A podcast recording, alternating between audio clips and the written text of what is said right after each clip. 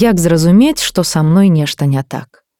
Мне ўжо варта звяртацца па дапамогу да псіхолагаў, ці са мной яшчэ ўсё нармальна. Такія пытанні час ад часу задаюць нашым псіхалагіням на сустрэчах і ў сеціве. Чаму сама пастанова гэтых пытанняў некарэктная? Якія прыкметы кажуць пра тое, што па дапамогу дакладна варта звярнуцца. Як адрозніць дрэнны настрой ад сімптомаў дэпрэсіі ці посттраўматычнага расстройства. Чым адрозніваюцца псіхолог і псіхіятр, што яны робяць і да каго з іх, у якім выпадку трэба ісці. Паясняе крызісная псіхалагіня Алена Грыбанова. В силу определенной ситуации, связанной с большим количеством насилия и репрессий в Республике Беларусь, очень многие люди получили травматический стресс в результате этих событий, который не мог не сказаться на их психологическом состоянии. Кто же помогает решить проблемы психологического характера? Но прежде всего этими вопросами занимаются психологи, психиатры, психотерапевты, психоаналитики. Но, к сожалению, не каждый понимает, в чем заключается разница в компетенции и особенностях деятельности этих специалистов. Не всегда ясно, кому обращаться с тем или иным там, заболеванием, например, или психологической проблемой для получения необходимой помощи. Ну и для того, чтобы помочь, я сейчас а, попробую а, подробно объяснить, в чем же разница этих специалистов и какой спектр деятельности этих специалистов бывает. Чем отличается психолог, психиатр и психотерапевт? В чем заключается специфика их деятельности? Прежде всего, это три специалиста, которые работают в сфере психического здоровья, но, безусловно, имеют разницу в своей профессиональной компетенции. Еще мне хочется заострить ваше внимание на то, что эта профессиональная компетенция имеет также различия в разных странах. Например, в Беларуси и в Европе, но чуть позже я об этом отличии расскажу. Итак, кто такой психиатр? Психиатр – это врач, то есть специалист, работающий в области клинической медицины и занимающийся лечением определенных психических расстройств и заболеваний, таких, например, как шизофрения, биполярное расстройство, а, заболевания, связанные с травмами головного мозга или со старческим слабоумием и так далее. Психиатр, как правило, принимает в стационаре определенного профиля или, например, а, в медицинском центре и, соответственно, принимает решение о назначении определенных средств медикаментозных или о госпитализации. Следующий а, специалист – это врач-психотерапевт. Кто такой психотерапевт? Повторюсь, это врач, который работает с такими состояниями, которые называются пограничными или, например, с какими-то состояниями, клиническими состояниями, такими как тревожное расстройство, фобические расстройства, клинические депрессии, суицидальное поведение и так далее. Он работает в формате назначения медикаментозных средств, то есть препаратов, и также немедикаментозными методами психотерапии. Это врач, который может ставить диагноз и назначать лекарства. Ну и третий специалист непосредственно это психолог. Кто такой психолог? Психолог – это специалист, который имеет высшее психологическое образование, но не обязательно медицинское. То есть психолог – это не врач, и отличие психолога от психиатра то, что психолог работает с психически нормальными людьми, и, в общем-то, сфера деятельности психолога охватывает достаточно широкий спектр, да, с чем обращаются к психологу чаще всего. Это, как правило, переживание развода, потеря близкого человека, сложные отношения между детьми и родителями, различные психологические травмы, полученные в результате насилия, аварий, катастроф, сложности в адаптации, например, при переезде в другую страну, сложности в налаживании контактов с коллегами, какие-то трудные жизненные ситуации, различного вида кризисы и так далее. Ну и хотела здесь остановиться на том, в чем различие компетенции, например, психиатра в Беларуси и психиатра в Европе. Дело в том, что психиатр в Европе, он охватывает более широкий спектр и совмещает как бы в себя работу двух специалистов, врача-психотерапевта и врача-психиатра.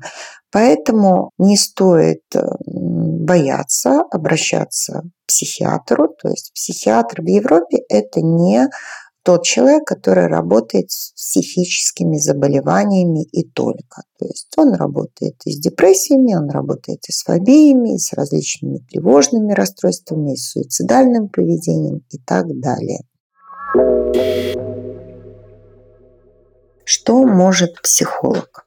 Но ну, прежде всего психолог может провести оценку актуального психофизического состояния человека, оценить его состояние, написать заключение и выявить определенные а, признаки каких-то состояний, например, которые требуют уже медицинской помощи, медикаментозной помощи, направить клиента к врачу, если есть такая необходимость. Далее психолог может проводить индивидуальные сеансы психокоррекции с использованием немедикаментозных методов психотерапии. Психолог может проводить групповые занятия, такие как тренинги, мастер-классы, группы поддержки и так далее. Может заниматься просветительской работой, может заниматься образовательной работой, читать лекции, проводить мастер-классы, семинары и так далее. Здесь мне бы хотелось остановиться на таком вопросе, как э, проведение психодиагностики, профессиональной психодиагностики и выставление диагноза. Ну, как я уже говорила, слово «диагноз» – это не слово психолога. Психолог только выявляет признаки, и, соответственно, психолог как профессионал пишет заключение. К сожалению, очень часто сталкиваемся с тем, что люди почитая в интернете об определенных признаках, об определенных состояниях, сами себе ставят диагнозы, еще хуже того, они могут сами себе назначать препараты. Это очень опасно. Почему? Потому что препарат назначает только врач, и, соответственно, врач принимает решение, и врач, исходя из своей компетенции профессиональной, он назначает эти препараты с учетом возраста, сопутствующих заболеваний, переносимости, побочных эффектов и так далее. Поэтому ставить себе диагнозы так же, как и заниматься самолечением, очень опасно. Как я могу определить, когда мне обращаться к психологу или к врачу, психиатру, как я могу понять, у меня депрессия или у меня просто снижение настроения. Я хочу сказать, что снижение настроения, оно присутствует у каждого нормального человека и может быть вызвано определенными факторами, внешними факторами, то есть какими-то событиями в жизни или внутренними факторами. Но если мы говорим о депрессии, то депрессия – это клиническое а, расстройство, которое характеризуется определенной так называемой депрессивной триадой. Первое – это снижение настроения и утрата способности переживать радость. И мы здесь говорим не о каком-то краткосрочном снижении настроения, например, а уже о таком достаточно длительном, например, более двух недель у человека плохое настроение, да, такая эмоциональная яма, ему ничего не хочется, он подавлен, у него определенное выражение лица, его ничего не радует и так далее. Следующее – это нарушение мышления. То есть нарушаются определенные когнитивные процессы.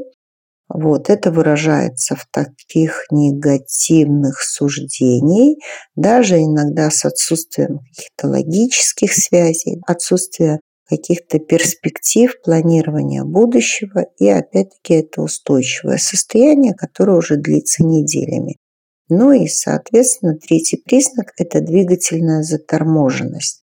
То есть человек не может выполнять уже такие функции, которые он выполнял, например, раньше.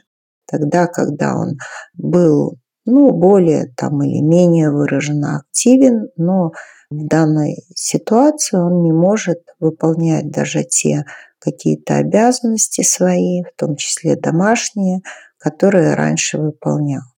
А существуют различные виды депрессий, то есть они бывают соматические, как следствие различных заболеваний, там сезонные, реактивные и так далее. Но вид депрессии определяет только врач, устанавливает только врач, и диагноз ставит только врач. И здесь немножечко я бы хотела остановиться еще на а, определенных симптомах депрессии. Да? Это сопутствующие такие симптомы, как снижение самооценки, иррациональное чувство вины, утрата уверенности в себе. Человек, э, независимо от своей жизненной успешности, постоянно чувствует себя плохим, неспособным, никчемным. Меняется внешний вид человека. Это определенная маска Пьеро, да, бледное лицо, расширенные зрачки, такой потухший взгляд, сухая кожа, замедленное, затрудненное дыхание, нарушение способности концентрации внимания, снижение интеллектуальной продуктивности. Внимание человека рассеяно, ему трудно на чем-то сосредоточиться, проследить ход мысли, уловить смысл беседы. Мыслей в голове мало, и они, как правило, неприятного содержания или назойливо крутятся вокруг каких-то незначительных мелочей. Также признак – это стойкий пессимизм и так называемое негативное мышление. Все кругом плохо, ничего нельзя изменить, я полное ничтожество. То есть пессимизм, он распространяется как на события прошлого, так и на настоящее и на будущее. То есть такая вот триада – негативное прошлое, негативное настоящее и негативное будущее. Также ослабевают основные инстинкты, пропадают сексуальные чувства и влечения, может пропасть аппетит, да, что приводит к похуданию или наоборот, такое вот э, булимические такие переедания. Ну и, соответственно, как такой основной признак, это стойкие расстройства сна, которые имеют достаточно продолжительный характер. То есть если уже человек не спит, не спит достаточно долго, например, больше недели, двух недель, трех недель у него нарушен сон, то здесь э, мы можем предполагать э, наличие депрессии. Еще один э, признак достаточно серьезный – это человек может испытывать целый ряд неприятных ощущений со стороны внутренних органов, как будто проявление какой-то болезни. Да? тоже может быть неприятное ощущение в области желудка или, например, расстройство дыхания или так далее. Ну и самый опасный симптом как для самого человека, так и для его семьи – это суицидальные мысли. Мысли о нежелании жить. И таким образом, если хотя бы вот из того, что я перечислила, три или четыре симптомов э, у человека сохраняется в течение там двух-трех недель, то обязательно надо обратиться к специалисту, к психологу для диагностики, да, выявления, есть ли признаки, есть ли э, необходимость, или непосредственно сразу к врачу-психотерапевту или в Европе к врачу-психиатру. Очень опасно начинать самолечение, очень опасно, как я уже говорила выше, назначать себе препараты в этом состоянии. Ну а что касается временных нарушений настроения, то эти нарушения настроения, они достаточно быстро проходят, вот, они не э, длятся какое-то время, и, соответственно, они не вызывают вот таких вот дополнительных состояний, которые я выше перечислила.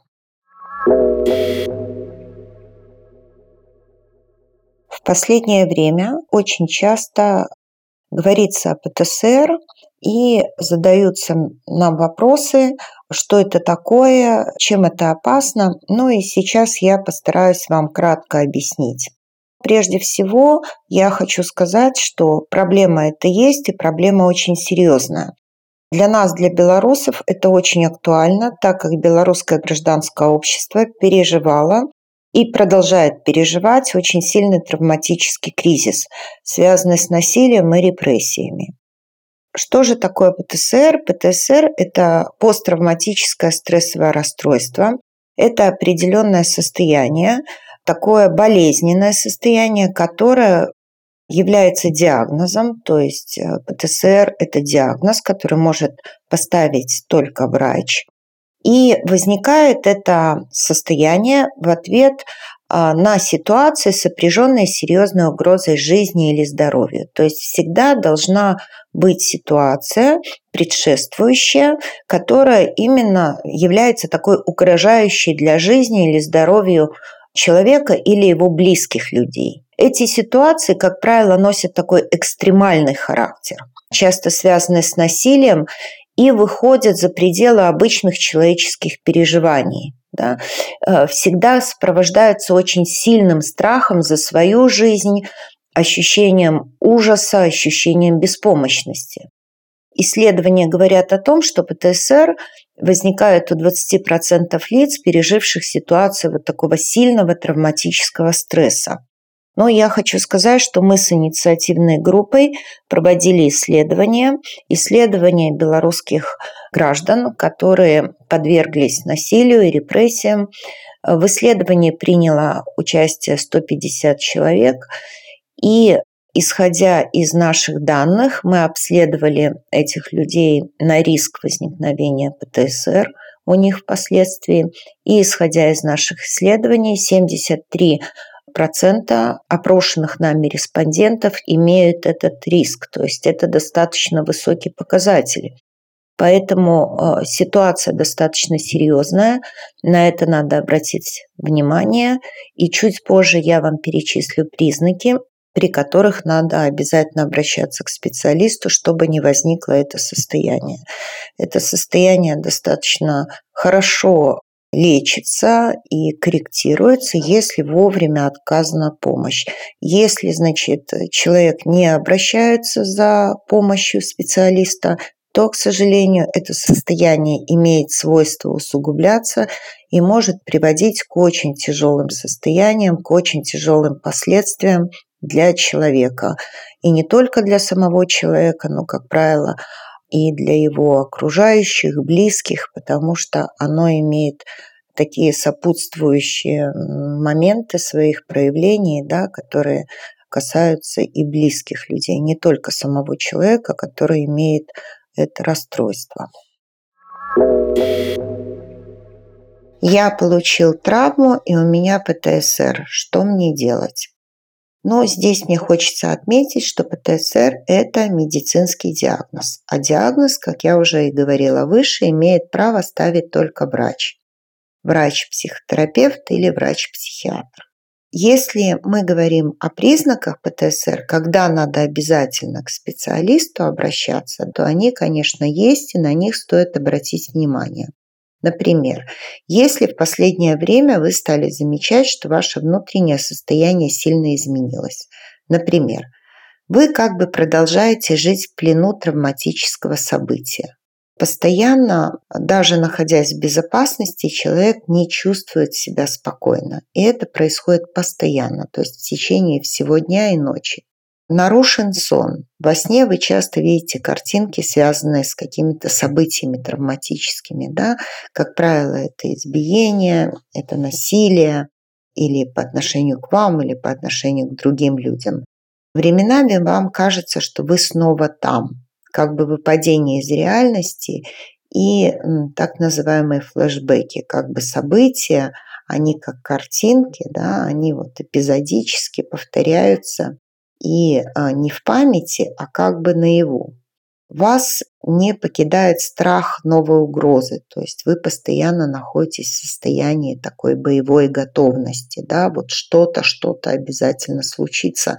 И основная фраза, наверное, здесь постоянно, да, Старайтесь избегать любых опасностей, возможно, даже старайтесь без необходимости не выходить из дома. И вся жизнь подчинена вот этим страшным событиям, которые случились, да, то есть вся жизнь строится по типу избегания каких-то, да, возможно, в будущем событий, которые, возможно, да, будут с вами происходить. Или же вы часто испытываете чрезмерное возбуждение, не можете заснуть, сон нарушен, как я уже и говорила выше. Появляется такая постоянная тревога без видимых оснований. Испытываете чувство подавленного настроения, чувства притупленные даже в отношении к своим близким, вплоть до эмоционального оцепенения, которые сопровождаются отчаянием и ощущением полной безысходности. Временами не имеют конечности, вы как будто теряете способность ходить, работать руками. Может эпизодически пропадать слух или зрение, без причины возникать реакция нервной дрожи. Но и для того, чтобы подавить в себе страшные воспоминания, человек может начинать злоупотреблять алкоголем или принимать наркотические или психотропные вещества. Вот здесь мне хотелось заострить внимание на том, что это как раз симптомы, которые указывают на то, что человеку необходимо обратиться очень срочно к специалисту за помощью. Как я уже и говорила выше, ставить себе диагнозы не нужно. Диагноз ставит специалист. Если вы обратитесь к психологу с данными симптомами и психолог оценит ваше состояние, то психолог обязательно вас направит на консультацию к специалисту, врачу, то есть это врач-психотерапевт или врач-психиатр. Обращаю внимание, что, как правило, состояние такое, как ПТСР, оно само по себе не проходит, оно только усугубляется, поэтому а, не надо затягивать, а как можно раньше обратиться за оказанием психологической помощи. Я пережила психоэмоциональную травму, переживаю чувство беспомощности – безнадежности, стыда, вины, тревоги и страха. Что мне с этим делать? Прежде всего, как я говорила раньше, обратиться к специалисту.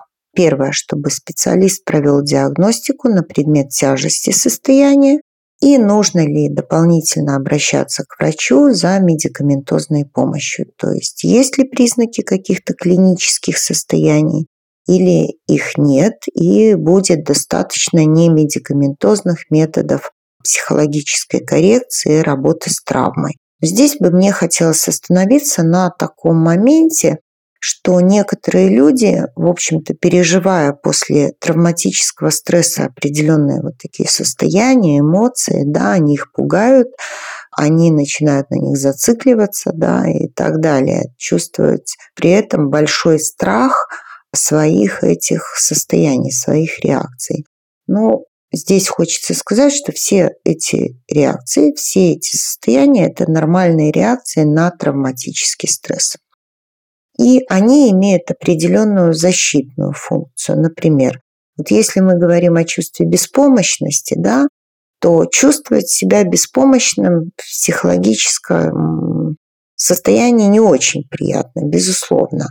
Но то, чем сопровождается травматический стресс, например, очень сильные эмоции, да, большая загруженность психических процессов какими-то срочными событиями, они опережают адаптационные способности психики. Ну, например, события, они происходят быстрее, чем наша психика к этому может адаптироваться.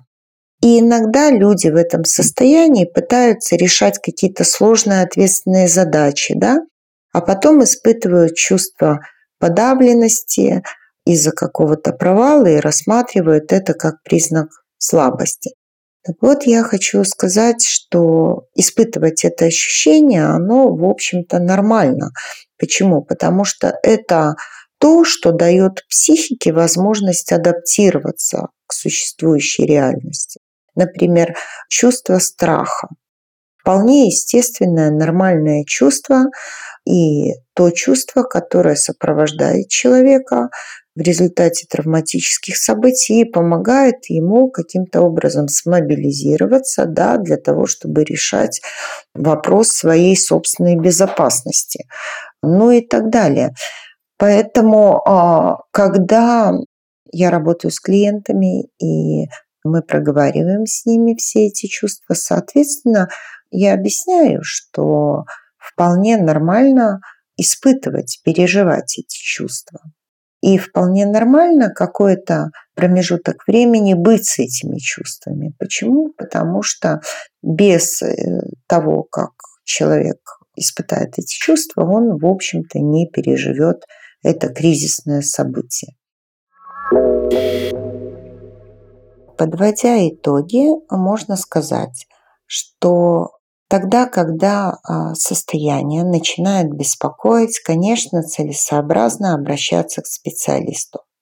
Вопрос, когда беспокоит и как беспокоит, да, каким образом беспокоит, мне здесь хочется привести такую метафору. Если, например, любой человек может э, заболеть или почувствовать, что у него насморк, да, но насморк может пройти сам или насморк не доставляет а, таких каких-то определенных неудобств, или человек может, например, а, закапать нос, там, погреть нос, насморк проходит. Человек совершенно благополучно с этим насморком справляется. Да? Но если уже гайморит образовался, то есть если уже человек чувствует, что он уже совсем длительное время не может дышать носом, да, что это мешает, и может у него болит голова, то есть появляются какие-то сопутствующие моменты его этого состояния, то он, соответственно, идет к врачу, врачу Лору. Вот немножко здесь такая же ситуация с психологическим состоянием. Да, бывают определенные состояния, например, вызванные каким-то травматическим стрессом, да, такие как состояние беспомощности, чувство тревоги, страха, чувство там вины, стыда и так далее. Безусловно, эти состояния все имеют место быть, потому что они сопровождают любой травматический стресс или любое кризисное состояние, но человек с ними может благополучно справляться.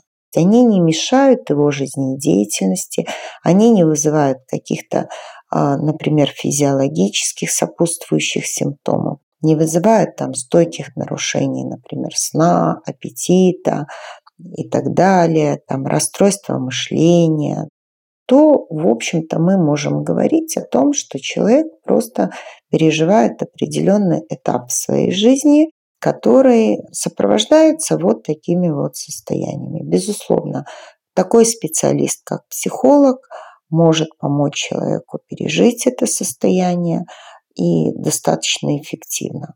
Вот. Обращаться обязательно надо тогда, когда уже, во-первых, э, эти все состояния имеют э, длительную продолжительность, и, во-вторых, тогда, когда они мешают жизнедеятельности, и человек уже чувствует себя как бы ну, немножко выбитым из колеи, выбитым из обычной жизни, и ему достаточно сложно с этим справляться тогда обращаться обязательно и, соответственно, принимать э, решение о том, что ответственность за свое здоровье, в том числе и за психологическое, в первую очередь э, лежит на самом человеке.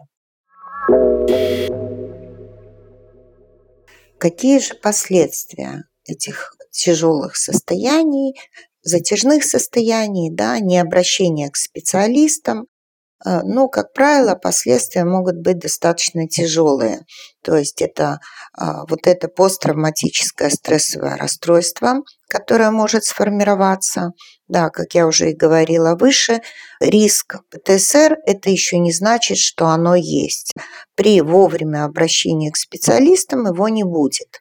Но тогда, когда человек затягивает, не обращается к специалистам, не обращается за помощью, оно может сформироваться и, соответственно, сопровождаться такими явлениями, как тяжелые депрессии, генерализированное тревожное расстройство, да, сопровождающееся паническими атаками, различные формы зависимости от алкоголя, от наркотиков, суицидальное поведение. Да. У детей ПТСР часто сопровождается такой повышенной агрессией, немотивированной агрессией и так далее. Поэтому а, для того, чтобы этого не случилось, следует вовремя обращаться, и эти состояния, а, они хорошо корректируются, они хорошо лечатся, как я уже и говорила выше, особенно когда это осуществляется комплексным подходом, например, работает психолог а, в связке э, с психотерапевтом-врачом или с врачом-психиатром. И в конце мне хотелось бы сказать, что все эти состояния, они, конечно, очень болезненные. И, вероятно, психика пока в данный момент э, у некоторых не может пережить и смириться. И иногда кажется, что это не под силу, но и в таком случае я рекомендую помочь ей и дать дополнительный ресурс, обратившись к специалисту, и вы вместе найдете пути возвращения к вашей счастливой и полной событиями жизни. И, возможно, может быть, сейчас вам кажется, что это невозможно, но я предлагаю вам вспомнить слова на кольце Соломона которые звучали так, и это пройдет, и это правда. Очень много людей возвращаются к полноценной жизни, пережив даже самые страшные беды, лишения, насилие, и иногда очень длительное, но каждый из нас достоин быть счастливым.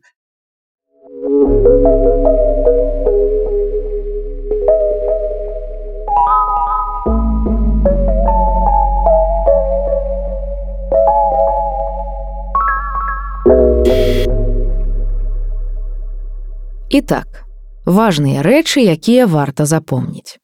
Па-першае, памятайце, з вами ўсё так.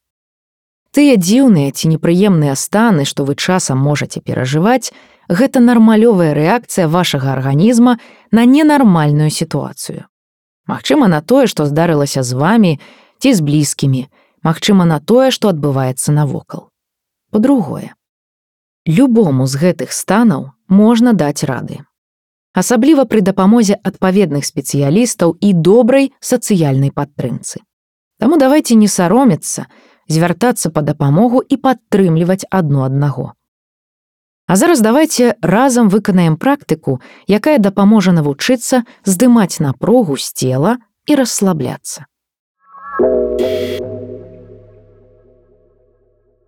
Мы будем паслядоўна напружваць і расслабляць асноўныя групы мышц вашага цела для дасягнення стану поўнага расслаблення.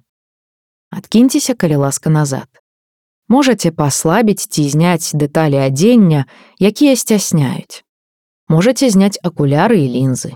Паспрабуйце ўладкавацца як мага зручней. Заплюшчыце, калі ласка вочы. Проста адкіньцеся назад і заплюшчыце вочы. Спачатку скіруйце, калі ласка вашу ўвагу на дыханне. Дыханне гэта метраном цела. Давайте адчуем гэты метраном. Адчувайце, як паветра ўваходзіць праз ноздры і ідзе далей у лёгкія. Як вашыя грудзі і жывот пашыраюцца на ўдыху і як яны ападаюць на выдыху. Засяродце ўвагу толькі на дыханні.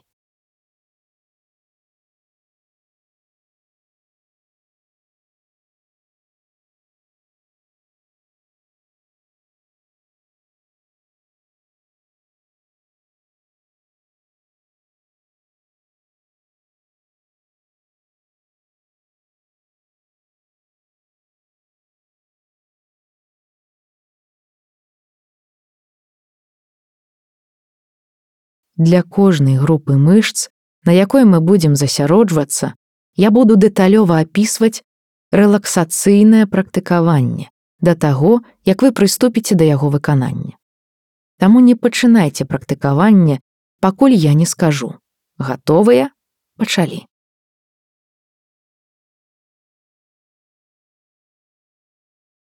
Пачнём расслабляцца з мышц грудной клеткі, каб адчуць, як наша дыханне робіцца вольным. Па маім сігнале, але не раней, зрабіце вельмі, вельмі глыбокі ўдых. Паспрабуйце ўдыхнуць усё паветра, якое вас атачае. Цяпер мы зробім гэта. Гатовы? Пачалі. Зрабіце вельмі глыбокі ўдых. Самы глыбокі ўдых. Глыбей. Глыбей. Затрымайце паветра. Зараз выдыхніце ўсё паветра з лёгкіх і з выдыхам расслабцеся. Скіньце напругу. Вярніцеся да нармальнага дыхання. Ці адчулі вы напругу ў грудной клетцы ў час удыху. Заўважылі паслабленне пасля выдыху. Давайте запомнім гэта адчуванне. Усвядомім, ацэнім яго. Бо давядзецца паўтарыць гэта практыкаванне.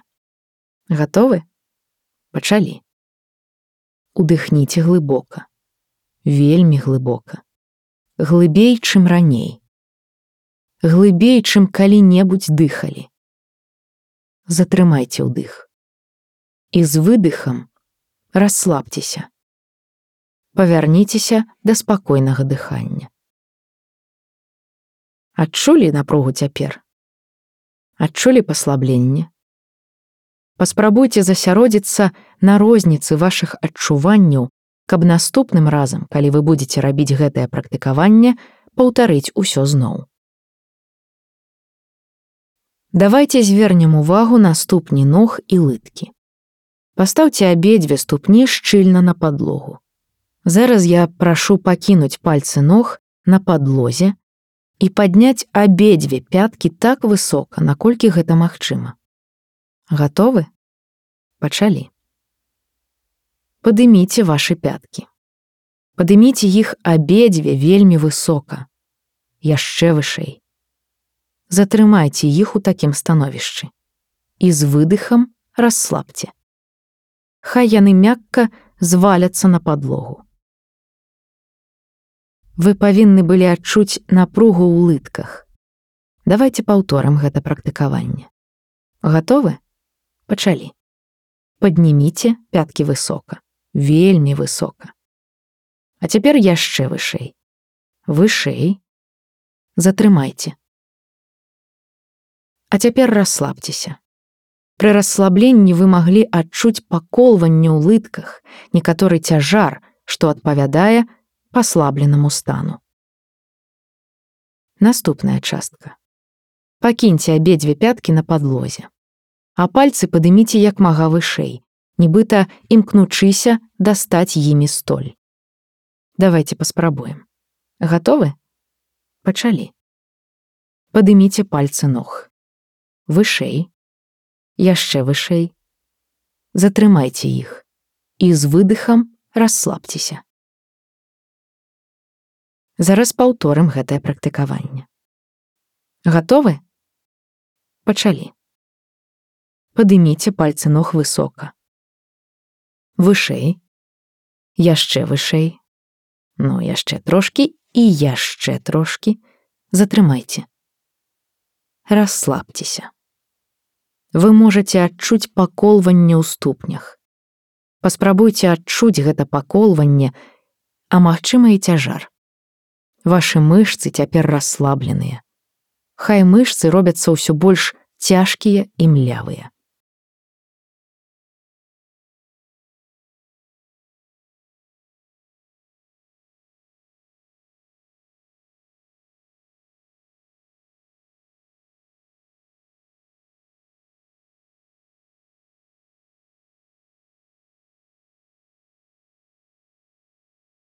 Цяпер засяродзім увагу на мышцах сцёгнаў.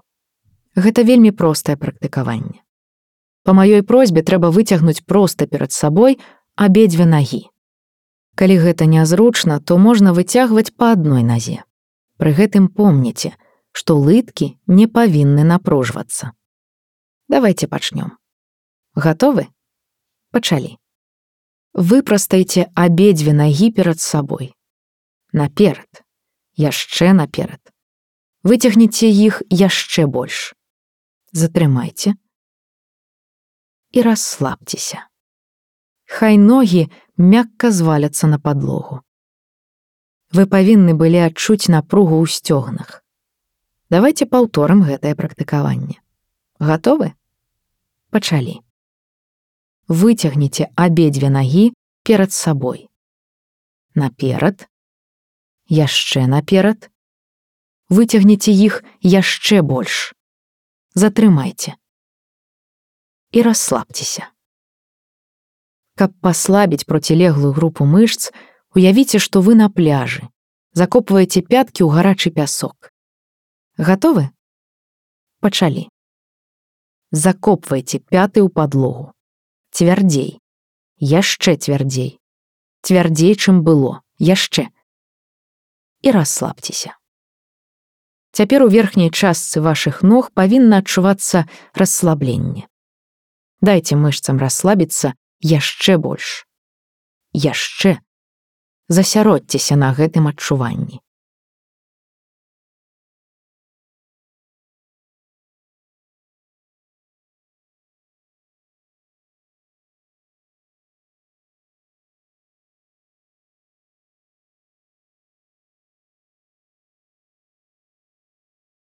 А цяпер пераходзім да рук. Спачатку я прашу адначасова абедзве рукі вельмі моцна сціснуць у кулакі. Сцісніце разам абодва кулакі настолькі моцна, наколькі гэта магчыма. Гатовы? Пачалі. Сцісніце кулакі вельмі моцна. Мацней. Яшчэ мацней. Мацней, чым дагэтуль. Затрымайце, і расслабцеся. Гатовы? Пачалі. Сцісніце кулакі вельмі моцна. Мацней, яшчэ мацней, мацней за ўсё. Затрымайце. І расслабцеся. Каб расслабіць процілеглую групу мышц, трэба проста развесці пальцы настолькі шырока, наколькі гэта магчыма. Гатовы? Пачалі. Рассуньце вашы пальцы шырока. Шырэй, яшчэ шырэй. Затрымайце іх у гэтым стане. І расслабцеся. Паўторым яшчэ раз. Гатовы? Пачалі. Развядзіце вашы пальцы. Шырэй. Яшчэ шырэй, максімальна шырока. І расслабцеся. Звярніце ўвагу на адчуванне цеплыні ці паколвання ў кісцях рук і перадплеччах.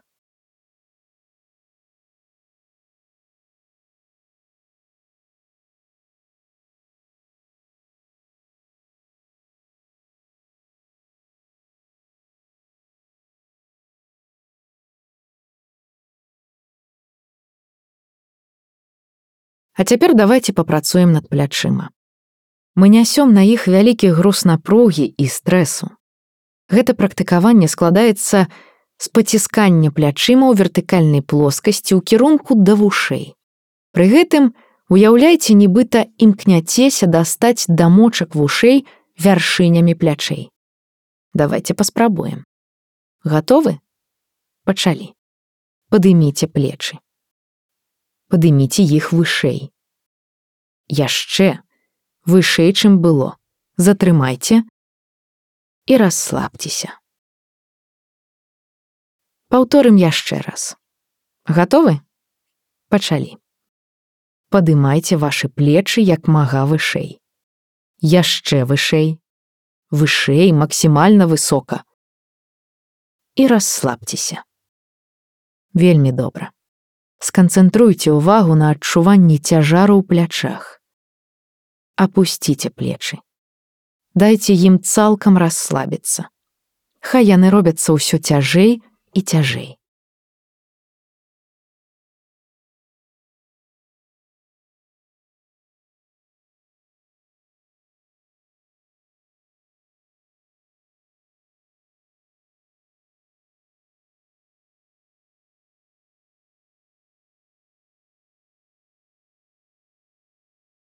Пераходзім да твару. Пачнём з рота. Першае, пра што я вас прашу, усміхніцеся. Настолькі шырока, наколькі гэта магчыма. Гэта павінна быць усмешка да вушэй. Гатовы? Пачалі. Усміхніцеся шырока, яшчэ шырэй.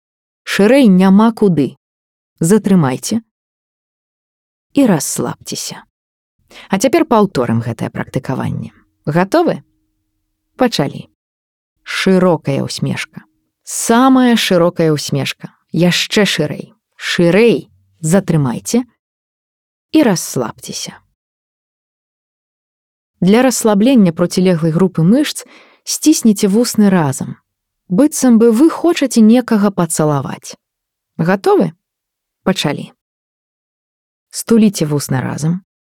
Вельмі моцна сцісніце іх. Яшчэ мацней, сцісніце іх максімальна шчыльна і моцна. Затрымайце і расслабцеся.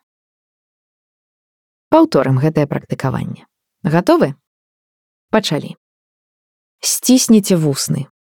Мацней. Выцягніце трохі наперад, яшчэ мацней. Затрымайце і расслабцеся. Распусціце мышцы вакол рота. Дайце ім расслабіцца. Яшчэ больш і больш расслабляйце іх. А цяпер пяройдзем да вачэй. Трэба вельмі моцна заплюшчыць вочы. Уявіце, што ў вашы вочы трапіў шампунь. Гатовы? Пачалі. Заплюшчыце вочы. Вельмі моцна. Яшчэ мацней, зусім моцна. Затрымайце і расслабцеся. Паўторым гэтае практыкаванне. Гатовы? Пачалі. Заплюшчыце вашы вочы шчыльна, мацней напружьце павекі. Яшчэ, яшчэ мацней затрымайце і расслабцеся. Апошняе практыкаванне. Яно палягае ў тым, каб максімальна высока падняць бровы. Не забудьцеся, што вашы вочы павінны быць пры гэтым заплюшчаныя. Гатовы? Пачалі. Падыміце бровы высока, як мага вышэй. Яшчэ вышэй так высока, наколькі гэта магчыма. Затрымайце і расслабцеся. Паўторым гэтае практыкаванне. Гатовы? Пачалі. Падыміце бровы. Яшчэ вышэй. Як мага вышэй, яшчэ затрымайце іх і расслабцеся. Зрабіце паўзу на некалькі імгненняў, каб адчуць поўнае расслабленне твару.